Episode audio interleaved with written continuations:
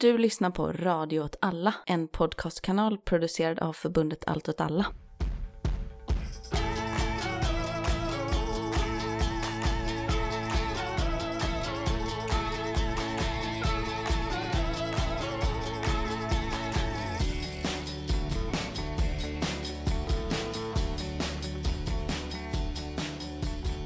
Hej och välkommen till Rörelse Udda krig och perspektiv. med mig Martin Hansson. Och mig, Myran Andersson.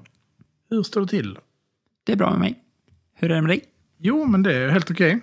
Och dit ett par veckor. Det är ju måndag nu, så jag har bara varit på jobbet. Det har varit helt okej på jobbet. Så... Det var kul på jobbet till och med. Mm. och. Det är lätt att spinna på. Var kul. Vad, vad var kul på jobbet? Jag hittade en eh, skalbagge som jag kollade upp vad den hette. Så hittade jag en bärfis. Så landade ett bi på min keps som verkar vara sjukt. Så det ska jag kolla upp vad det var för bi också. Roliga saker som hände under min dag. Jag kollade på massa myror och förstod vad de var för arter. En kollega bytte arbetsstol med mig så jag fick en skönare arbetsstol. Det är alltid härligt. Vad heter det? Kontorsstol, som snurrstol. Själv. Ja, men det är bra med mig. Det är måndag som du säger. Det är ju ingen höjdare sådär eh, normalt sett. Men eh, det är så fint väder. det är ju så fint väder. Det är så otroligt fint väder. Är du ute lite grann i ditt arbete? Ja, smula. Inte jättemycket. Men eh, jag tycker att transporten till och från arbetet underlättas också mycket av vädret. Då cyklar du. Då cyklar jag och eh, man eh, blir inte akut suicid. Ja, det är ju mycket, mycket bra. Mm. Annars är ju inte jag en värmekille. Alltså jag är inte det. Nej, just det. nej, nej, jag är inte en värmekille. Jag är inte egentligen en köldkille heller. Jag är verkligen en vaniljkille när det kommer till temperatur. Vad menar du är en vaniljtemperatur Ja, så men jag vet inte vad det är, 20 grader. Mm, Okej. Mm. 18 till 20. Gärna eh, så här. Man kan ha en jacka på sig. Men en tunn. Okej. En väldigt tunn Mm. jacka. Eller en tröja bara. Det Mm. kan jag uppskatta. Gärna sol, men inte sådär jättevarmt. Jag skulle säga att jag gillar med 22 till 24. Alltså. Jo, men du är väl det helt gott. notorisk med det där. Du har så här långkalsonger på dig Mm, jag, långt in i augusti. det kan vara så. Nu var det länge sedan det var så, men, men uh, flera år sedan. För jag har inte haft jobb där jag behöver vara ute på det sättet. Du har inte haft råd. Du har inte haft jobb, så du har inte haft råd. Jag hade faktiskt ett par jättefina långkalsonger som blev stulna i en tvättstuga. mm. Det är riktigt en tråkigt. freaky grej att stjäla. Ja, jättekonstigt. Vad skulle den personen med dem till? Ha Men- på sig dem inte. Mm. det var det tror. Eh, Det kan ju också vara ett fel. Eller klä ut sig till kanin. Mm. De har ju merinoull som ju inte kommer från kaniner. Eller gör det det? Nej, det är merino Nej, det gör får. Ja. Men jag menar, du har dem som öron liksom. Det finns något som heter merinokaniner också tror jag. Gör Nej, angora-kaniner gör Ja, man det är av. någonting helt annat. Mm, just det. Merinokaniner kan inte finnas. Det är ju helt, helt tokigt. Marino canino. Ja. En egen. Eh, nej, annars är det väl jämna plågor höll jag på Vad är det från din tumme? Ser jag nu. Eh, ingen, ingenting. Aha. Det, det är färg, det är inte... Det är färg. Jag trodde det var blod. Nej, att det det hade var stått blod. en hammare riktigt hårt på tummen. Trycka ut mitt egna öga. Jag tvingades titta i en bok om andra världskriget. Kände spontant Det var att mitt fel. jag hellre, hellre dör. Ja, du höll på att kolla upp det här med, med spärrbataljoner. Mm. Spärrförband. Vi hittade inte det i boken, men på Wikipedia säger i alla fall att det fanns spärrförband i Sovjet som faktiskt hade order att skjuta desertörer i flykten så att säga. Och sköt 1200 personer. Mm. Och sen så kom man på att det var en dålig idé, så la man ner det efter några månader igen. Vad Sovjetunionen är unika med det? Tyskarna hade väl också spärrförband? Det vet jag inte vad de var, eh, hur unikt det var. På, men det, på Wikipedia så fanns det exempel från typ Kuomintang hade det. Mm. Sovjet, var det Japan också? Någonting? Ja, och moderna Ryssland. Men jag menar, det, känns ju som att förr i tiden måste det funnits mer kanske. Mm. Nej, men det känns som att det har varit en, Men- en grej. Så det är väl kanske också från hur ordnat det är då. Mm. Liksom en officer som skjuter en kille som flyr ur hans liksom, grupp. Det kanske inte riktigt räknas, men att de hade specifika liksom, organisatoriskt satt upp speciella grupper för att göra det här, det kanske inte var jättevanligt. Nej, det är väl också skillnad på att man bara blir skjuten för att man retirerar och blir hängd för feghet. Det, det finns det ju jättemånga exempel på. Ja, men det är ju lite skillnad. Mm, Att man får en rättegång. Sprang du för att du flydde av feghet eller var det för att du skulle hämta en grej där borta? Ja, men precis. Liksom. Nej, men det, det är skillnad. Um, sommaren närmar ju sig. Med stormsteg. Vi pratar så mycket om sommaren så det känns som att jag inte behöver... eh, Introducera konceptet. vad tänker du om podden under sommaren? Det blir väl lite som det brukar bli, tänker jag. Att det blir lite hattigt på sommaren, men att vi kör ändå. Kör ändå. Lite hattigt. Vi kommer behöva spela in några avsnitt i förväg också tror jag någon gång. Jag Så kommer känns det som. åka bort lite, du kommer också kanske göra det? Eller? Ja. Det måste vi kanske sätta oss ner och planera Det efter. var vi planerar. Vi måste också göra patronavsnitten ju. Just det. Ja. På tal om det, om man är eh, Patreon eller funderar på att bli, så man får gärna höra av sig med tips på filmer som behandlar utomjordingars invasion av jorden. Bra. Det har du tänkt till. Mm. Mm. Riktigt nice. Så kommer det nog ett eh, patronavsnitt om det någon gång. Ja. Jag kan själv bara komma på Independence Day, tv-serien V, Mm. Den har inte jag sett. The Mars Attack. Kommer du ihåg den uh, Jag har typ inte, komedin? Ja. jag har typ inte sett något av det här tror jag. Som vanligt med tv och film så har jag Har du sett, inte sett mycket. Independence Day? Jag tror inte det. Nej. Oj. Det var då jag trodde att alla piloter hette Roger. jag, var, jag var väldigt liten när jag såg den. Eh, Vad kul. Mm. Ja. Jättekul. Jag kommer ihåg filmaffischen tror jag. Det är någon stor boll som svävar ovanför jorden och är lika stor som jorden. Det kanske det är. Sen är det mycket Vita huset ju. Ja. De spränger Vita huset med en, eh, en typ av laserkanon. Det är roligt att tänka sig att det är det utomjordingar kommer till jorden. Och det första de tänker är Vita huset. Där. Ja, det är ju ganska mycket så i den filmen. Vi ska inte... Göra det här. Nej, men, men att det är tydligt att jorden, även om de, de här utomjordingarna kommer till många andra platser, så är det tydligt att det liksom är USA är de enda Som är värt att prata med. som, som är värt att göra motstånd. Liksom. Ja, de kanske inte pratar med. Mm.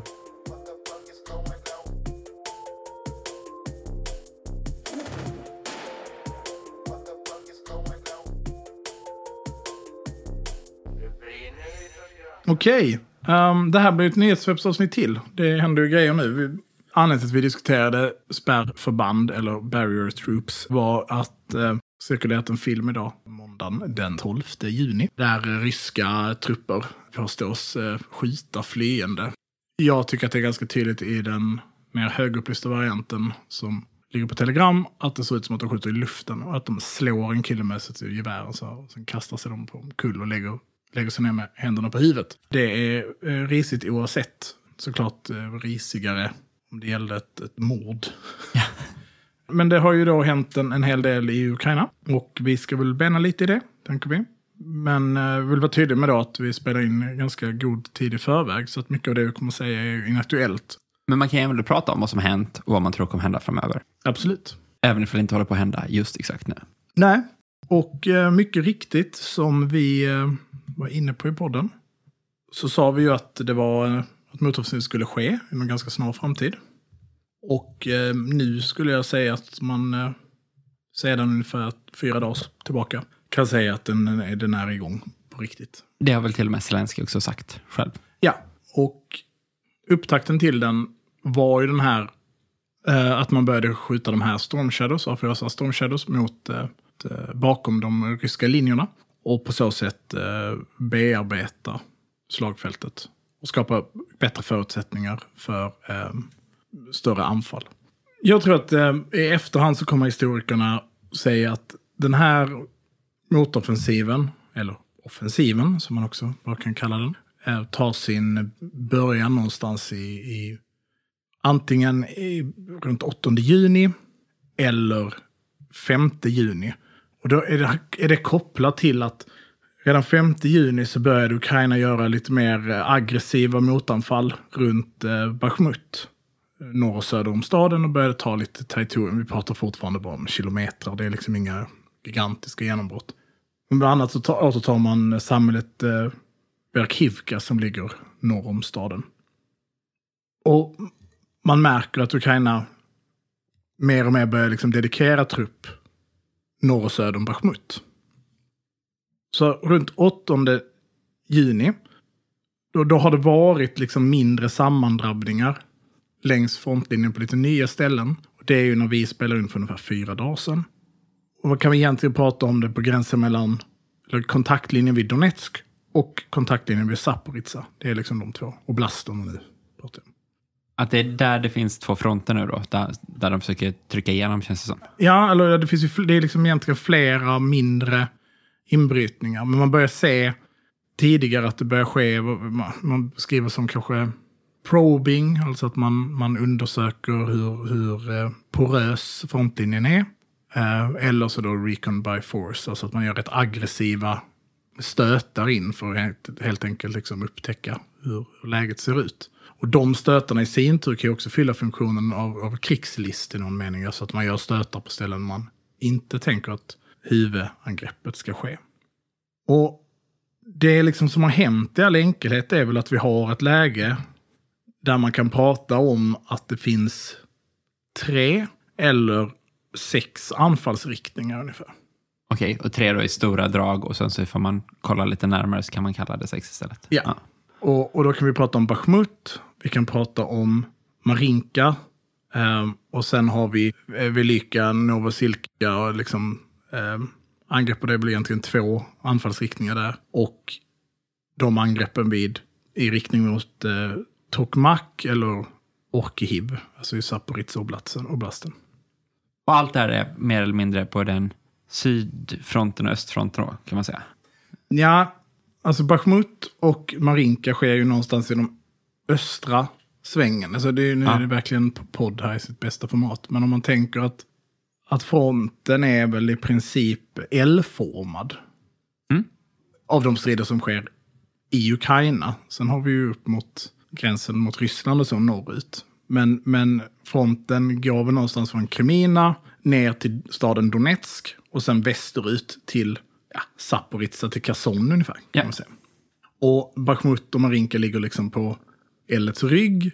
Medan eh, Velyka och Novosilka och Novodonetsk och så vidare.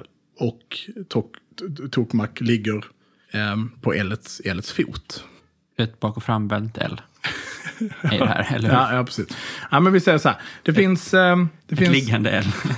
det finns två östra anfallsriktningar. Ja. Om vi då räknar med Bachmut. Vi har Bachmut och vi har eh, Marinka. ja. Och sen har vi Velyka, Novosilka och Okrehiv och Tokmak som ligger på de södra fronten. Liksom. Så de östra och de södra. Eh, Det var väl det här jag sa. ja, det var det kanske det du sa. Jag bara lyssnade inte på vad du sa. Nej. Det förvirrar ju en del. Um, Men det är bra att vi har förtydligat det. Mm. och det blir liksom fel när man, när man liksom säger så här, för att det är inte så, det är verkligen de stora dragen. Men, men det, för det vi har sett är inte heller några enorma ansamlingar av, av ukrainsk trupp som har anfallit. Utan det, jag skulle säga att det är ganska tydligt att det vi har sett det kanske på pluton eller två plutoner som har agerat tillsammans. Och vi har inte sett en, liksom, ett väldigt dedikerat anfall med, liksom, på kompanistorlek och så. Eh, De första filmerna som då kom in för ett par dagar sedan så visade ju en ganska tung spaning med lättbepansrade terrängbilar. eh, Som eh, brittiska mastiffer till exempel som blev utskjutna. Och det är ju inte liksom ett huvudanfall vi ser där, utan där ser vi någon typ av spaning. Ganska aggressiv spaning. Men är det man har med en eller två leoparder också ibland? nej, det kommer senare. Det är senare. Och det är en brasklapp som kan vara värd att säga nu att, att även om Ukraina har ju, de har ju gått ut med en del information och släppt, det börjar komma ut en del film och till och med uttalanden och så. Som du sa tidigare, att Zelenskyj har någonstans sagt att Nu är det igång typ. Ja. Så, den informationen baserat på då att det finns en radiotystnad hos ena sidan Ukraina och det finns en fördröjning. Medan vi får ganska mycket information från de ryska förbanden. Och framförallt det vi får från de ryska förbanden är saker som är fördelaktiga. Så gör det att vi har en lite skev bild av hur det faktiska läget ser ut just nu. Eftersom att Ukraina nog är mer selektiva med vad de släpper. De släpper också propaganda, men det är ett mycket större flöde från de ryska källorna. Och baserat på det, baserat på att vi vet att det finns ett par anfallsriktningar, de, är bas, de antar vi är centrala eftersom att vi har sett dedikerade anfall i någon mening, även om de inte är storskaliga, så har vi sett mekaniserat infanteri, så vi har sett BMP-2, vi har sett stridsvagnar. Och på åtminstone två och tre av de här anfallsriktningarna så har vi sett västerländsk krigsmateriel. Vi har sett M2 A2 Bradleys och vi har sett Leopard 2.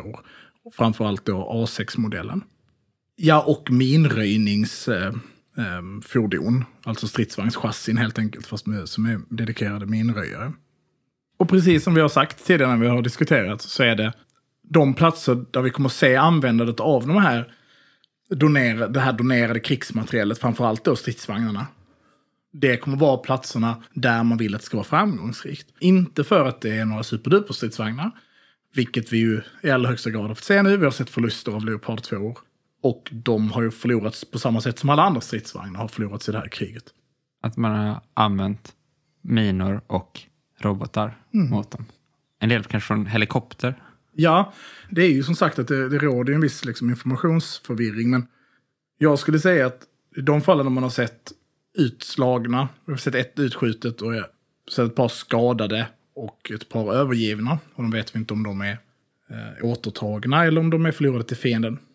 Då är de ju förlorade i ett, en situation där jag tycker det är uppenbart att man har pressats ihop på grund av minfält. Eller varit i marsch, alltså i kolonn i princip. Och blivit påskjutna. Och jag skulle gissa i alla fall att vid ett av de tillfällena så rör det sig om, om ett, en attackhelikopter. Att det är en rysk attackhelikopter som har skjutits ut. Men KA-52 mer specifikt, för då, då finns också en film på.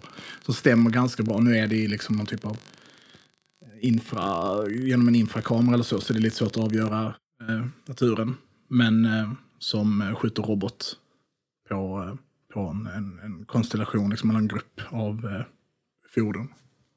Och det, det, hur det går då, ja det är ju jättesvårt att säga. Um, det har pågått ett par dagar. Det är uppenbart att det här inte är, det här är inte det, allt det som motoffensiven skulle vara.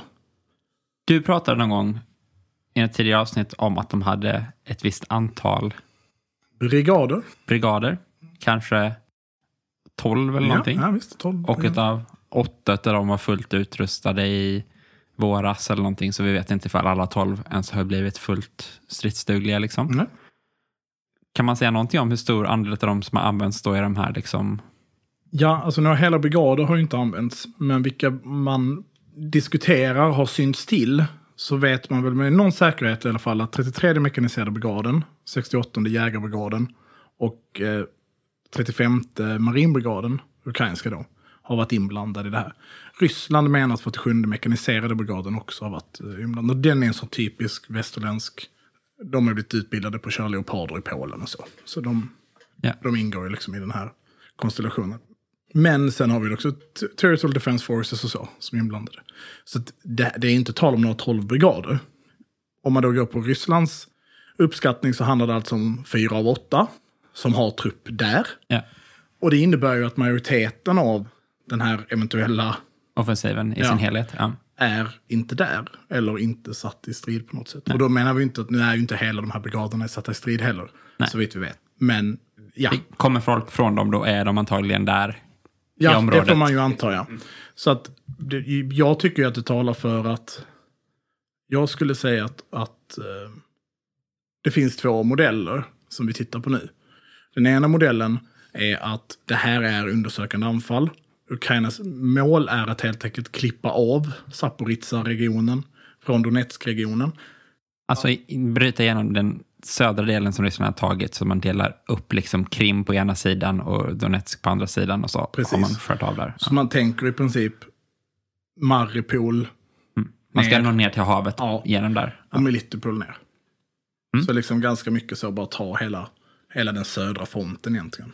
Och det är väl någonting det har pratats om väldigt mycket innan. Att det vore en rimlig liksom, ambition Ja. på något sätt. Då är man vid Azovska havet, man når Krim Mm. med massa vapensystem. Och kan liksom hota Krim, vilket ju då skulle kunna tvinga Ryssland till förhandlingsbordet, är väl tanken. Och det skulle göra logistiken till Krim betydligt mycket skörare, för att nu kan man ju börja ang- angripa Kertsbron. Och gör man det så kan man inte ta saker till Krim. Nej. Och den här liksom frågan hur det går, för det är mycket det folk vill på internet. De vill veta hur det går. Hur går det egentligen? Vi vet inte. Det är svaret. Går det bra för Ukraina? Ja, det verkar gå helt okej på sina ställen. Framförallt i de östra anfallsriktningarna. Och till viss del är den centrala av de här tre anfallsriktningarna som någonstans finns på den södra fronten. Och det verkar inte gå så jättebra i anfallsriktningen mot eh, Tomak. Nej. Mm. Och samtidigt är det så att Ryssland har byggt jättemycket försvars försvarsbefästningar. Liksom. Ja. Och där är man inte riktigt framme och slåss än. Eller? Nej, det är långt därifrån. Ja. Alltså, eh, International Study of War, som ju är en, eh, kan man säga att de är ganska tendentiösa gentemot eh, Ukraina. Visst, men de verkar inte hitta på saker heller. Nej, Ja. Inte, inte på kartorna, va? Eller? Tror du det? Nej. Och de skulle väl, enligt dem så visst, man är ju där det är fortifikationer. Men man är ju långt ifrån den huvudsakliga försvarsdelen, alltså den, den, ja, hur ska man beskriva det? Den Primära? primära försvarsställningen. Eh, och det här kommer liksom, som jag förstår rysk doktrin, så funkar det väl ungefär så här att om man då strider enligt rysk doktrin, vilket uh, International Study of War och för den delen något befäl inom amerikanska armén pratade om att, eh, att eh, Ryssland hade gjort vid uh, Orikhiv. Mm. Orikhiv, jag vet inte hur det uttalas, Nej. som alltid i den här podden. Så lyckades de, Ryssland då, eh, använda sin doktrin på ett, jag citerar, sunt sätt. Alltså att man, och den är väl i all enkelhet så här, man har ett försvar i djupet, vilket ju då innebär att du har inte liksom så jättehårda försvarslinjer, utan du låter fienden till viss del tränga in försvaret, eh, går åt sidorna eller bakåt och åsamkar fienden förluster under tiden den drar sig tillbaka. Ju djupare fienden kommer in, ju liksom trögre blir det att ta sig fram. Vilket gör då att du kan åsamka fienden förluster. Du byter liksom någonstans yta mot eh, skada på något sätt. Ja. Så drar du på fienden förluster, men du, du får också det här momentumet att momentumet som innefattas i ett, i ett anfall att avta eftersom att det blir trögare och trögare. Och fienden får ju helt enkelt då, om du tänker på det som en kil som tränger in, så får den ju fiender på sidorna. Och sen när fiendens liksom, momentum på något sätt börjar ta slut och de kanske har brett ut sig för mycket. Då genomför du ett motanfall med hjälp av reserver som du kallar in. Och då helt enkelt skär du av eller förintar de förbanden som anfaller. Och i sammanhanget är det ju svårt att prata om vad stora förluster är, för vi vet inte hur stora anfallen är. Vi har inte fått några filmer liksom, eller bilder på, på liksom hundratals döda ukrainska soldater. Men vi har ju fått en del bilder och filmer på utslagna fordon. Och sen så är ju internet som det är, så hälften är så här, ja men det här är fejkade bilder. Mm. För att det är bra för Ryssland, det bilden visar. Och sen andra sidan är motsvarande när det är bra för Ukraina. Och jag kan inte bedöma vad som är en fejkad bild och inte. Lite kan man säga. Ibland vet man ju att saker är fejkade. Ja, ja, absolut. Som när det är ur tv-spel till Ja. exempel. Som Det är en tydlig indikation. Ukrainas försvarsdepartement la ut tidigt i kriget. Men hur har de då lyckats med det? Jo, men det verkar ju vara med hjälp av eh, att de har liksom kunnat uppnå luftherravälde. Både via helikoptrar men också liksom levererat med medelst flygplan. Elektronisk krigsföring beskriver Ukraina. Eh, eller ja, amerikanska generaler angående situationen i Ukraina beskriver att man, eh, de ryska trupperna har liksom elektronisk krigsföring. Å andra sidan så säger det säger ju de ryska förbanden också ett tecken på när de här tre anfallsriktningarna började på något sätt. Då var det ju fullt på telegram om att soldater beskrev hur all deras radioutrustning gick ner. Så det- att Ukraina använde elektronisk krigsföring där liksom. Ja. Framgångsrikt. Mm. Ja, men det skulle jag väl säga är så att Ukraina tar mark. Man kan inte prata om att det har skett ett genombrott än. Jag tycker att det ser ut som att det är ganska lite av de här förbanden som är inblandade i striderna som, som ändå påstås vara dedikerade för den här offensiven.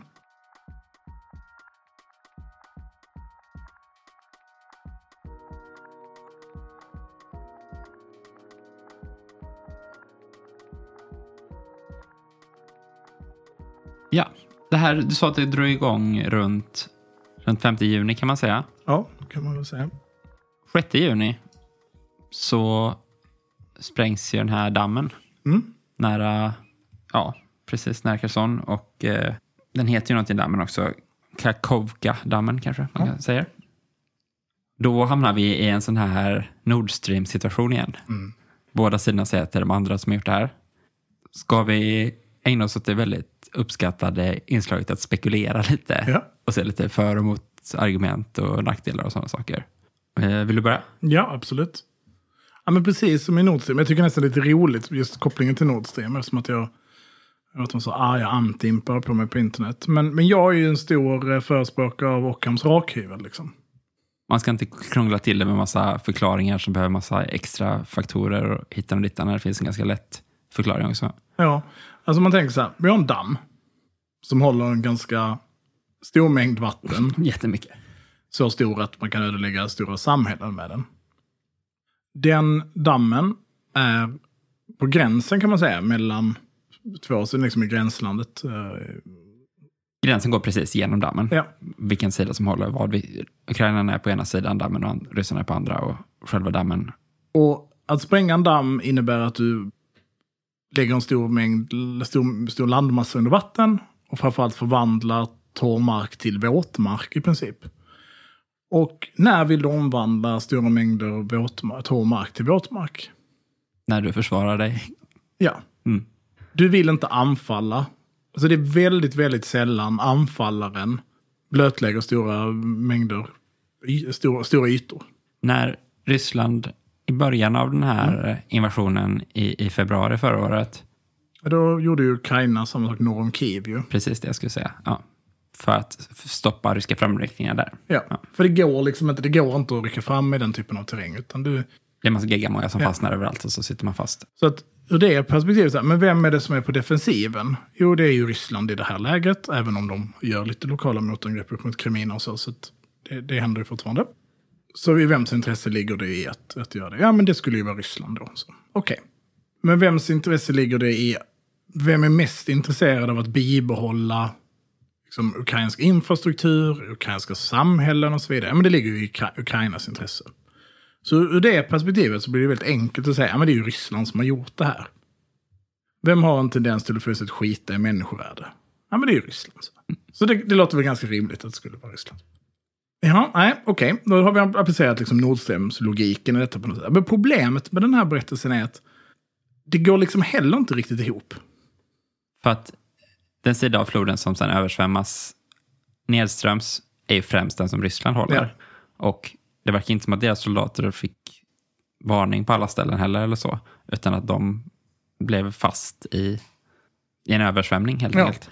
Och det är, ett- det, det- Ryssland har ju byggt upp försvarsställningar på södra eh, strandbanken av- av eh, Dnepr under lång tid för att kunna hantera en eventuellt eh, ukrainskt anfall från Kherson. Så nu är de bara översvämmade, Nu så de man inte liksom- sitta de skyttevärdena längre. Nej. Liksom. Nej.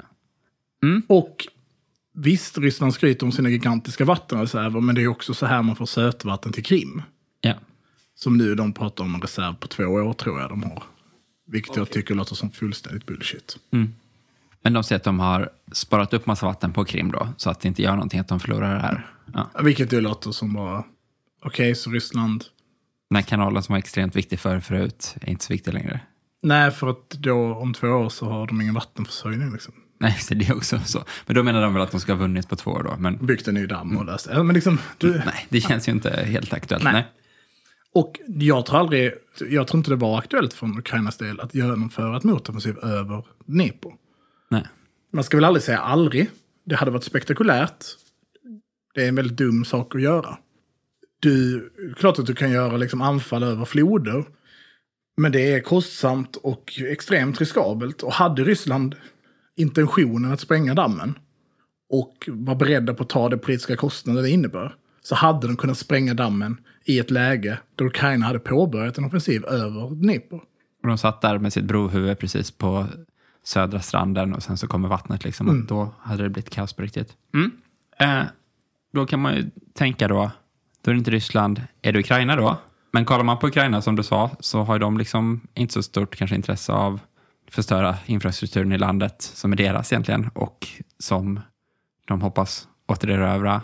Det snackas väl om att det kommer bli ett större problem med bevattning som hade tagits från den här stora dammen innan och sådana saker. Eh, att det kommer bli problem för jordbruket. Och liksom bara så, ja, man pratar om det här, att det är en ekocidi av liksom ekosystemen nedanför och att det kanske sprider jättemycket gifter och sjukdomar och det ena med det tredje. Liksom. Så det finns ju inte heller jättemycket som det känns som att Ukraina tjänar på det. Att göra en sak som jag sett spekulationer om, som också känns väldigt spekulativa, är ju att när dammen är torrlagd så kan man liksom anfalla över vattnet där. Då hur, lång tid, ja, men hur lång tid tror du det tar? Innan den är torr nog för att du ska liksom vilja rulla 30 ton stridsvagnar över där. Det har vattnet har fortfarande inte försvunnit än. Nej. Så att liksom, det blir ju inte där än. Men då säger folk att det eh, tar en sommar och så är det torrt. Nej, så de spränger dammen för att till hösten då Ja. kunna göra en offensiv. Äh, liksom, fan, kom igen. Nu är vi, då är vi Nord Stream-nivå. Mm. Ryssland vill inte betala de här skadestånd. Nej, men Ryssland behöver inte betala ett skit till någon. Hela världen är i princip ekonomiskt fientlig mot landet. Alltså det, det blir ju trams. Då har vi ett tredje alternativ, skulle jag säga. Som det finns är- fler. Okej, okej, men jag tar. Ja. Mitt tredje Ja, alternativ. så tar jag mitt tredje. Ja. För jag vill också komma fram till det att jag nog egentligen har väldigt svårt att tro att det är bara Ukraina som straight up har liksom sprängt dammen eller så. För det är svårt att se vad de skulle vinna på det liksom. Men vi vet väl att Ryssland har sagt i alla fall. Att de har minerat dammen sen länge, liksom, sen i höstas till och med tror jag. Det är ju möjligt att en sån minering kan gå av av misstag. Eller av liksom då att det är någon strid där och Ukraina skjuter någonting men de har inte för avsikt att sätta av den. Men den går av ändå. Liksom. Eller att Ryssland själva råkar vårda skjuta sin liksom, aptering eller någonting. Liksom. Båda sidorna har minerat runt dammen, någon mina som flyter runt och liksom Men det kör in i, i, i... Man vet ju att det flyter minor nedströms och som smäller av då och då. Mm. Ja, alltså ett annat alternativ är väl att det helt enkelt inte är en... Alltså det är gjort för människohand på det sättet att den har varit otroligt misskött under lång tid och överfull med vatten. Och att med de skadorna som redan fanns på, på dammen tidigare, för både Ryssland och Ukraina har väl typ beskjutit dammen tidigare, så pallar den inte mer och eh, kollapsar. Det låter väl lite väl bra för att vara sant vid tanke på att det då händer dagen efter Ukrainas offensiv har börjat. Liksom. Däremot så finns det ett annat eh, alternativ då. Och Det femte alternativet Det femte alternativet. Och det är ju att Ryssland är rätt klantiga. Mm. Och att Ryssland kanske skulle minera dammen. Lite Ifall till. Liksom. Ja. Ukraina skulle rycka över. Ja. Och råkar dra bomben. Mm. Eh, eller att de skulle detonera en bomb. Om, låt säga, fyra dagar. De skulle hinna dra bort sina trupper. Lösgöra massa trupp som skulle kunna sättas in till försvaret mot eh, offensiven. Men det råkar gå av för tidigt. Och de råkar dränka lite förband. Och, alltså det är ju ingen jättemängd av förband som har dränkt, dränkts. Liksom. Men att Ukraina skulle göra det som en offensiv handling för att lösgöra trupper. Alltså det är ju bara så. Nej. Eh, och då är det väl kvar att Ukraina skulle göra det för att kunna göra Ryssland till större skurkar. Och då är det väl så, mm, behöver de flera argument för det? Det Så att det är så. värt det här liksom. Och Greta Thunberg var med och hade... men nu är Greta också på det. Hon har ju slutat skolstrejka så hon är väl ur. Hon är inte intressant längre. men hon hade haft ett samtal med Zelensky om Mm. ekocidi av i Ukraina. Liksom. Nej, nej men, precis, men jag tror inte heller det känns bra. Men med allt det här är det ju så, vi vet inte förrän vi vet. Liksom. Nej. Men det var någonting med att någon så här seismologiskt institut sa att det har varit Detonation. en detonation. Mm. Så det är inte bara att vattnet har liksom sprungit igenom. Men det kan väl också, den kanske också kan utlösas av vattentryck eller vad fan, jag vet, vem vet. Nej, nej, vem vet. Nej, jag eh, ska sätta mina pengar på någon så sätter jag på rysk klantighet. Eller eh, enorm kortsiktighet. Men, men eh, så liksom om man tar det här läget som är nu då. Vi, vi tänker någonstans att, att den här motoffensiven, eller offensiven, det är ju den tredje större motoffensiven. Vi har Kherson och vi har Charkiv Mm. eh, sen tidigare. Och eh, Kharkiv då, motoffensiven vid Kharkiv, var ju den som är, var väldigt framgångsrik och gick väldigt snabbt. Då man var väldigt skickligt lyckades utnyttja brister och svagheter i eh, utmattade ryska förband och eventuellt utnyttjade ett ryskt tillbakadragande på ett väldigt skickligt sätt. Medan vi då vid Kasson, motoffensiven vid Kasson, då lyckades man då, på grund av att Dnepr är ett helvete, jag ska knyta tillbaka varför Ukraina skulle, om Ukraina skulle vara intressanta och intresserade av att eh, anfalla över den, så lyckades ryska trupper eh, hålla de ukrainska stångarna ganska väl. Och eh, retirera och samtidigt åsamka Ukraina relativt stora förluster. Men valde att ta sig över eh, Dnipro för risken att bli avskurna. Och den offensiven, så vi har liksom å ena sidan den här ganska liksom skickliga Kharkiv-offensiven. Där man utnyttjar massa ryska svagheter. Och sen har man Kazom. Jag skulle säga att den här motoffensiven vi tittar på just nu är mer lik Kazom till förutsättningarna. Okej, för att man måste lyckas liksom skära av Ryssland där de är i sina positioner. Man måste anfalla nedgrävda trupper som inte är utmattade. Mm, och det gjorde man aldrig riktigt för man stred liksom inte om gata för gata i Cherson. Nej, för, nej nu, nu, mm, staden om, slaget om Kherson, motoffensiven mot Kherson, var ju striderna innan staden, alltså det är ju en oblast. Så Mm. det var ju liksom offensiven, det- var blodigt ute utanför staden, ja, Ja. precis. Visst. Men nej, Kherson blev ju ingen, ingen Bachmut-situation för, för Ukrainas del.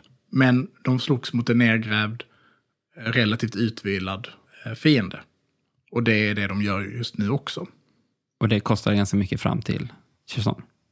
Ja, Mm. så att läget nu är väl att Ukraina har svårt att utnyttja den liksom träning eller, eller liksom sätt att strida som deras västerländska utbildare vill. Utan det, jag skulle säga att det strider rätt likt.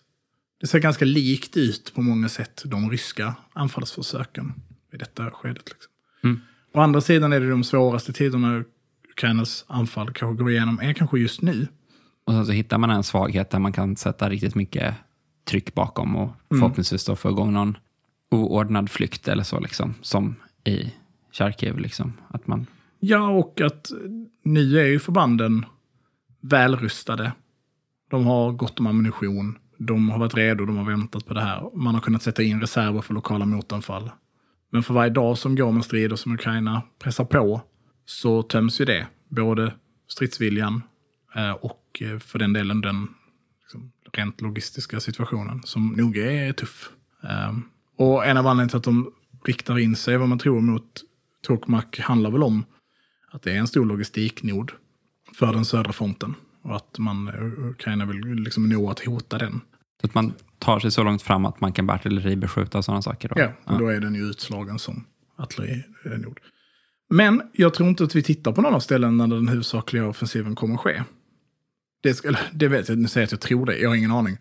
Men man kan också tänka sig en situation, så kanske jag borde säga, man kan tänka sig en situation där det huvudsakliga anfallet kommer att ske i en helt annan riktning. Och att man mer gör de här för att man vill att Ryssland ska flytta trupp till att försvara de här riktningarna man är på nu. Mm. Liksom. Och sen så har man en egentlig annan idé. Eller så väntar man på att någon av de här tre ska bli den huvudsakliga. Och så när man ser att vi har en möjlighet att bryta oss igenom. Och när man bryter sig igenom, alltså man säger ju det, försvar är lätt. Tills det blir svårt. Ja, och anfallar, alltså man, om man vill åsamka sin fiende riktiga förluster så gör man det genom anfall. För det är då man kan skära av stora förband. Det är då man liksom kan fullständigt förinta dem. Det sker ju liksom i anfallet. Mm. En sak jag har reflekterat ganska mycket över de senaste dagarna, det är väl att, liksom, det, det, hela situationen är ju ett helvete i någon mening, men det är väl att glädjas lite åt den här att alla har fel. Om de här två hejaklackslagen som Ja. existerar. För någon mening. Mm. Ryssland är inte oövervinnligt, men Ukraina håller inte heller på att kicka ut Ryssland på Det är ju en inte månad. Kuwait-kriget vi ser liksom direkt. Nej.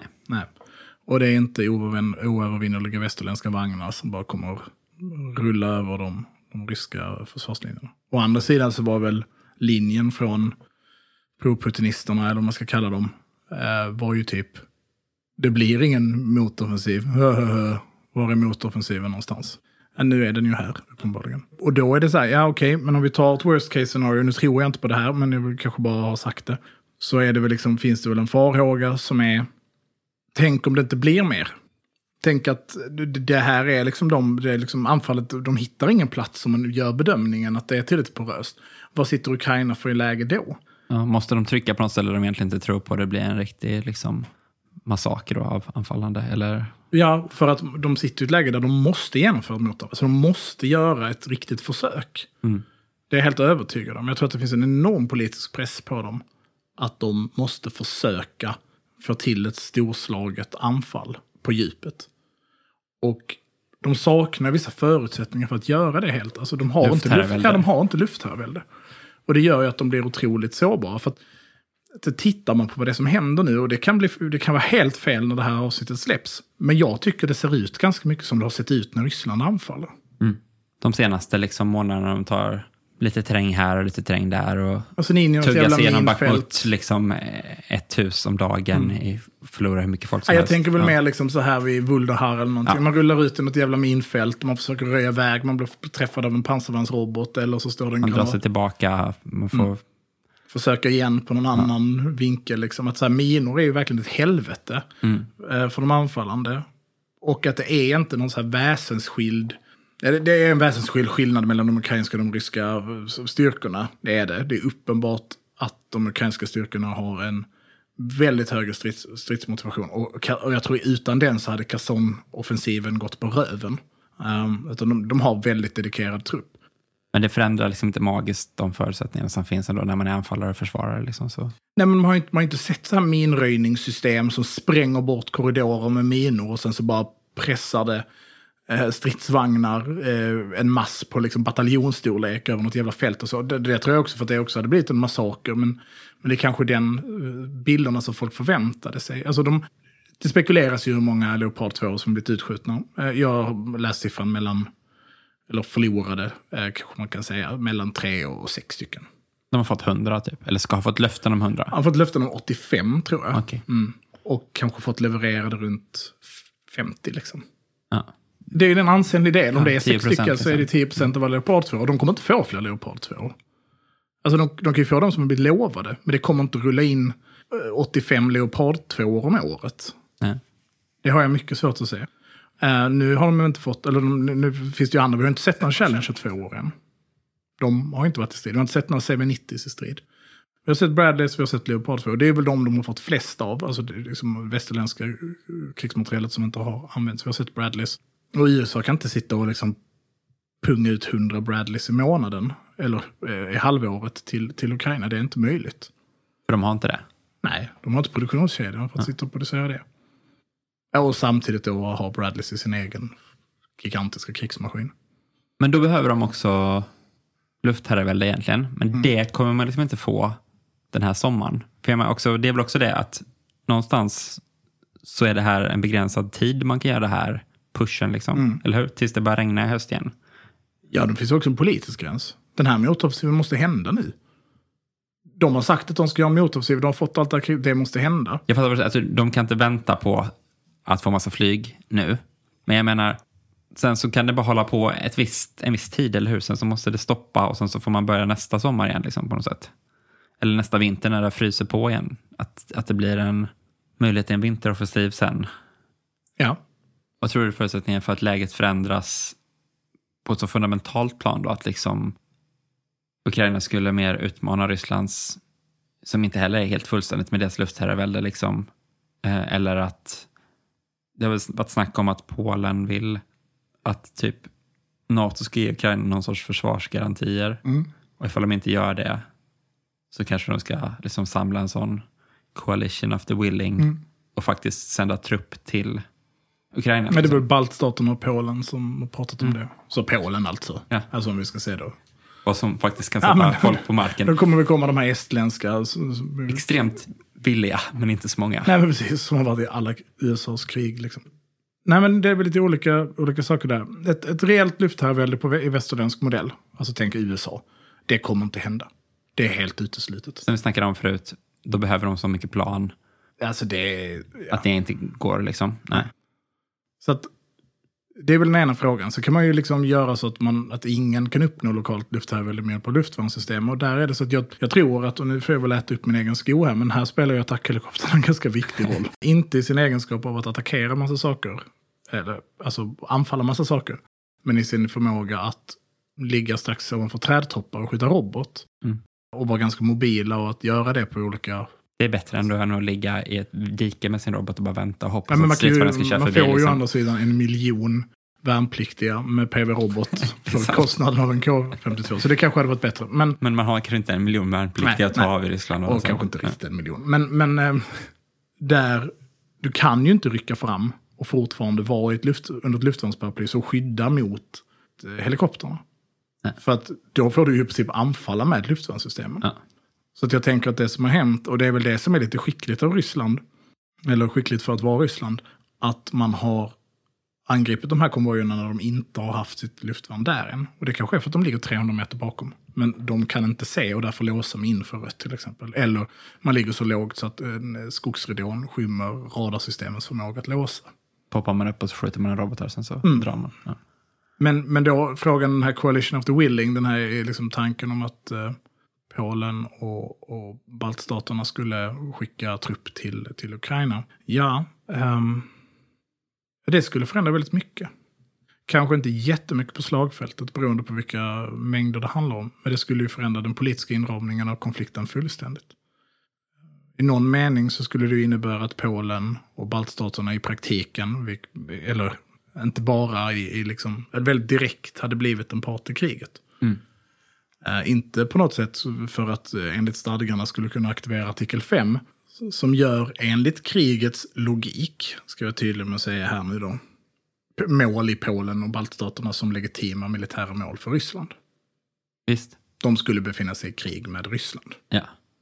Och ifall Ryssland då ska faktiskt anfalla de målen, då blir det väl antagligen aktuellt med artikel 5. Ifall USA vill det eller inte ja, vill det. det så. Alla, mm. Det är ett konsensusbeslut, så det är om Ungern vill det och mm. Turkiet också vill det. Nej visst, och då kan det vara så, nej ni får skylla er själva för att ni skickade trupp ni till Ukraina. Ni är den aggressiva parten till exempel, vilket gör att ni inte kan aktivera artikel 5. Mm. Och då säger båda, nej det är vi inte alls, för det är frivilliga trupper som är i Ukraina som vi har bara entledigat för att de ska få åka dit. Jag har fått med sig vårt krigsmaterial. uh, men, nej visst, så det blir bara vem som vill eller inte vill. Ändå, ja, liksom. ja. Och, och då har man väl en situation där man kan tänka sig att där polska och baltiska soldater går in och börjar till exempel skydda Belarus och övertar uppgifter som ukrainska förband nu måste göra annars. Just det, att gränsvakta mot Belarus liksom. Ja, ja. och sätta upp garnisonerna där, skydda Lviv till exempel, kanske överta delar av Kiev, försvaret av Kiev till exempel. Så, till polska och eh, baltiska soldater. En annan eh, riktig möjlighet, som jag inte tror är aktuell, men som jag har dryftat tidigare, det är väl att när den här motoffensiven är färdig, när den har ebbat ur, så kan ju med dammen, med de förluster Ryssland har tagit och med de förluster Ukraina har tagit, så kan ju förhandlingsbordet vara aktuellt. Det blir ju någonstans en fråga för de västerländska parterna att säga, tror vi på detta? Ja. För stöd i den här magnituden har jag svårt att se att det skulle kunna bära under väldigt lång tid. Nu låter det väldigt pessimistiskt, och jag är ganska pessimistisk eh, till den offensiven. Inte på nivån att det, så här, det kommer gå åt helvete för Ukraina, utan jag tror att det kommer gå helt okej okay för Ukraina. Jag tror att de kommer återta mark, jag tror till och med att de kan återta ganska mycket mark. Men inte på nivån av att det skulle leda fram till ett schackmat, en schackmatt-situation. Och det är ju någonstans det som både förväntningarna har varit och det de behöver. De vill sparka ut Ryssland ur hela Ukraina. Det är det man säger kommer hända liksom. Ingen av den här ryska ekonomi är en fullständig katastrof eller Rys Ryssland kan inte producera krigsmateriel. Vilket jag har sagt från början. Inget av det tycks ha hänt.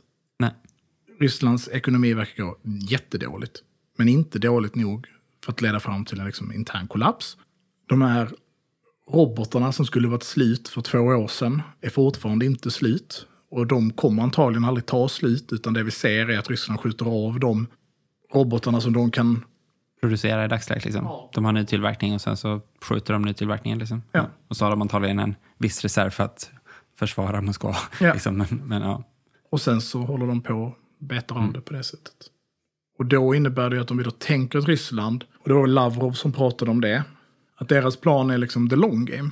Att, och det tillskriver man alltid östfolk. Det är liksom, så finns det någon konstig underbyggd... Eh, Orientalism. Ja, liksom, liksom att de, alltså, de kan vänta i 20 år och 50, de gör 50-årsplan och så. Men om du tänker dig att du är Ryssland och du, du är Ryssland, tänk dig att du är den här världens största ja. land. um, Gröva och wobblar mellan... Precis, olika... Sydostasien och Europa liksom. Och tränger, ja. Det är svårt. Jag Franskt försöker, möter östasiatiskt ja. på något sätt. Ja.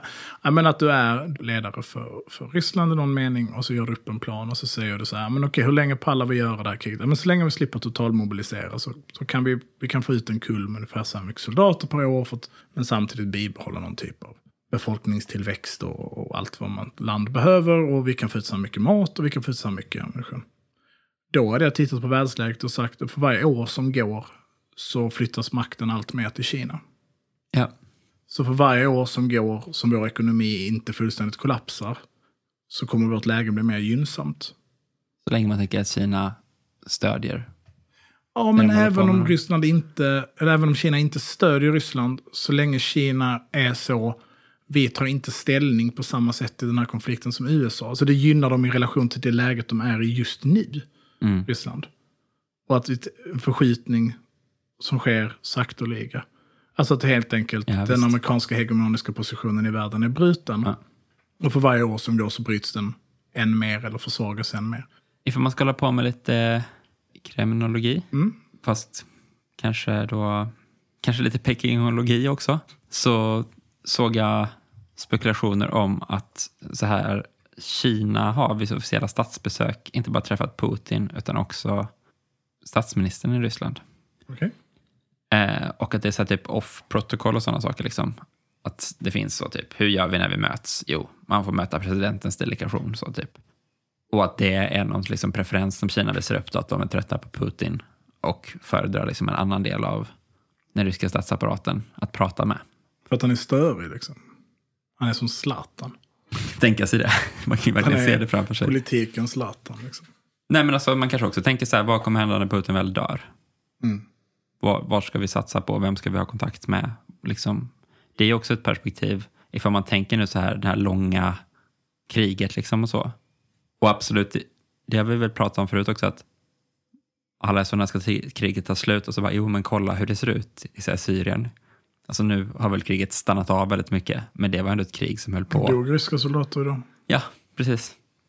Men, men det höll också på som ett fullskaligt krig Absolut. i liksom många, många år. Jag vet inte, men man ska alltså, säga att det höll på i åtta år så liksom. Eller Eller då. ja, 14 år. Antingen Jo, är men man har precis. sagt det av. Ja. Men, men, ja. Och Afghanistan höll på i 20 år. Liksom. Mm. Eller ifall man ska räkna så, det har varit krig i Afghanistan sedan 1978, mer eller mindre liksom, på något ställe konstant. Liksom. Man Krig kan att- hålla på jävligt länge nu för tiden. Det är 30-åriga kriget är inte bara något som hände för länge sedan, utan det är Nej. liksom en realitet i dagsläget också. Och man, man brukar väl säga att det finns att krig antingen är väldigt korta eller väldigt långa. Okej, det känner jag inte till. Att antingen är de slut väldigt fort Ja. eller så tar det många år. Mm. Ja, och vadå, Armenien och Azerbajdzjan till exempel puttrar ju på och så. Nej, men å andra sidan ibland blir det Georgien. Och över på ett par månader. Jo, men då kanske det skulle varit... Över. Det, det skulle precis... Det har ju helt att göra med vilka politiska mål man har. Ryssland önskade väl att det skulle vara den här tre dagars grejen Georgien. Och sen så blev det inte så. Och då, vad ska hända då liksom? Nej, vad ska hända nu? När det här avsnittet släpps så tror jag att Ukraina fortfarande tar mark. Och, eh, och när vi spelar in nästa avsnitt så tror jag att Ukraina har gjort ett större genombrott. Om jag skulle satsa mina pengar på något. Och sen, vad händer med det genombrottet? Det är det man får se. Ja, det får man se. Ifall de inte gör ett större genombrott på en månad då, tror jag att man får säga att det liksom har misslyckats då Ja. på något sätt. Okej. Då tror jag att eh, det kommer att stå och mala. Men det är klart, man har också eh, den här liksom partisanverksamheten. Det var ju järnvägar på Krim som verkar ha blivit sprängda. Okej, det har jag missat. Ja. Den typen av situationer som också kan förändra läget ganska drastiskt. Och för den delen ifall Bachmut blir hotat på riktigt av att bli avskuret till exempel. Då kan man ju se en, Moralförlust liksom. Ja eller en förlust av stora mängder trupp. Alltså för det som har hänt i Bachmut, vilket är lite ironiskt, var att när Ryssland tog Bachmut så gjorde de ju, alltså det här är ju också en debatt, men man får ge Prigozjin det att det var framförallt Wagner som tog Bachmut. Det var liksom, Wagner bar kostnaden för Bachmut. Så att slaget om Bachmut har inte kostat ryska federationens armé särskilt mycket sett till mannar. Men det tagna Bachmut låser upp ganska stora mängder rysk trupp.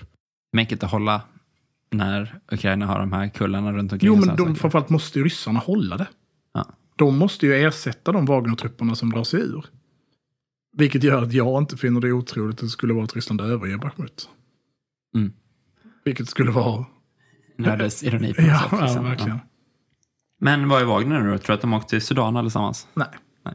Jag tror att Wagner har åkt tillbaka till sina baser och rekonstituerar sig själv. Bygga upp, bygger upp sig. förlo- förlorade förband och sådär. Liksom. Ja. Ja, och låt ge för de förbanden vila, återhämtning, feta löner, möjligheten att bränna lite pengar, fixa psyket lite grann och sen kommer man sätta in dem igen. Då tar vi och avrundar. Det är det vi gör nu. Det gör vi nu. Avrundningen kommer Nu kommer avrundningen. Om man har eh, tips på sci-fi-rullar, tv-serier, så får man gärna höra av sig. Rymdvarelser, jorden, inte rymdkrig liksom. Och du känner till den här Star Wars? Det är alltså krig i rymden. Det. Alltså det är inte stjärnorna som krigar mot varandra. Och det är inte stjärnornas krig egentligen heller. Men det är de åker mellan stjärnor i rymden så att de krigar med varandra. Men det är ju lite stjärnor som krigar. Det är filmstjärnor Ja, och liksom stjärnor till bara jävligt Att de glänser, de så att glänser. Det är mycket, det är mycket drag under galoscherna. Jag såg nyligen episod ett delar av. Mm. Ja, det Jar fruktansvärt. Binks och så. Ja. Mm. Men barnet som var i rummet sa han är den jag gillar mest. Mm. Jar Binks. Kokar inom en. Mm, gör det. Men, ja, man blir förbannad. Har du ingen smak alls? Tänkte Sen- du om det här barnet? Ja. Ja. okej. nej, det kan vara ett smaklöst barn. Vi kan inte, vi kan inte outa det här barnet, Nej. men det är ett barn du känner också. Ja, ja det var inte mitt barn. Nej. Ja. Nej, jag, jag är väl inte jätteförtjust i uh, de episod 1, 2 och 3. Men jag är heller inte särskilt förtjust i episod 5, 6 och 7. Du hatar Star Wars generellt. 8, 4, 5 och 6 7, menar jag. 8, 9, vad är det? 12, 13, 14. Jag vet inte. 7, 8, 9, de, De nya. nya. Mm. Nej, de, det var verkligen den värsta sortens memberries. Jag gillar ändå Star Wars. Jag var ett Star Wars-head när jag var liten. Ja, men det, det låter som Patreon-content det här, så vi behöver inte mala vidare på detta. Skicka gärna tips om ni har bra, bra eh, rymdvar, rymden, rymden attackerar-filmer. Ja. Eh, och tack så jättemycket för att ni har lyssnat. Tack för att ni har lyssnat. Tack Lovina som klipper. Ja. Du är en stjärna, inte en skådespelare utan en gigantisk gasklump som skickar ut värme och ljus och skänker liv på vår planet. Så, ja. Nej. ja, Ja, nej, du, har, du har gjort bort det. Nu blir, eh, Har jag gjort bort mig? Jag har inte ens börjat göra bort mig. Jag kan riffa vidare på det eh, vi eh, tackar också Du jingelmakare. är cancerogen och utan vår atmosfär så skulle vi dö i din... Närvaro. Närhet. trots att du befinner dig Långt bort. jätte, jättelångt bort så dör folk av, din, av att låta din blotta syn landa på deras armar. Så kan man inte säga. Din utstrålning eh, nuddar vid deras hud. Mm. Eh, Men å andra sidan så ger du oss också bakgrundsstrålning. Vilket gör det som möjliggör evolution. Ah! Men det är klart att det spelar roll. Det spelar roll. Man kan inte säga att det möjliggör evolution. Nej, det förstärker evolution. Ja. Underlättar evolution. Ja, kanske. Ja. Jag kan fortsätta riffa på det här nu. Du, du kanske tycker det blir för mycket? Nej, det, jag, där blir jag provocerad av evolutionsbiten istället. För som, eh, anledningen till att man kan säga att liksom, det blir mer mutagent av att utsättas för liksom, så, gener i, i varelser som evolverar. Mm. Det är också att när genom kopieras Jag har slutat lyssna. så gör ju det med här reparationsmekanismer och så som är liksom evolverade till en viss nivå. Och ifall det bara hade behövts liksom mer möjlighet att mutationer ska uppstå, då kanske man bara hade haft sämre reparationssystem i kopiering. Liksom. Okej. Så då är inte solen så jävla viktig. Det bara råkar vara den faktorn som faktiskt finns där idag. Då. Är med. Man kan följa oss på sociala medier. Där heter jag, den sociala medien heter Twitter. Rasmus Fleischer. Finns Eh, kvar fortfarande. Den finns till. fortfarande kvar. Um, där heter jag Trojkan1337. Jag heter att slukhall. Och man kan följa oss på Facebook. Där heter vi Eld och Röse. Man kan följa oss på Instagram. Där heter vi eld.och. Punkt. Rörelse. Tack för att ni har lyssnat. Ha det fint. Ha det fint. Hej, hej. hej.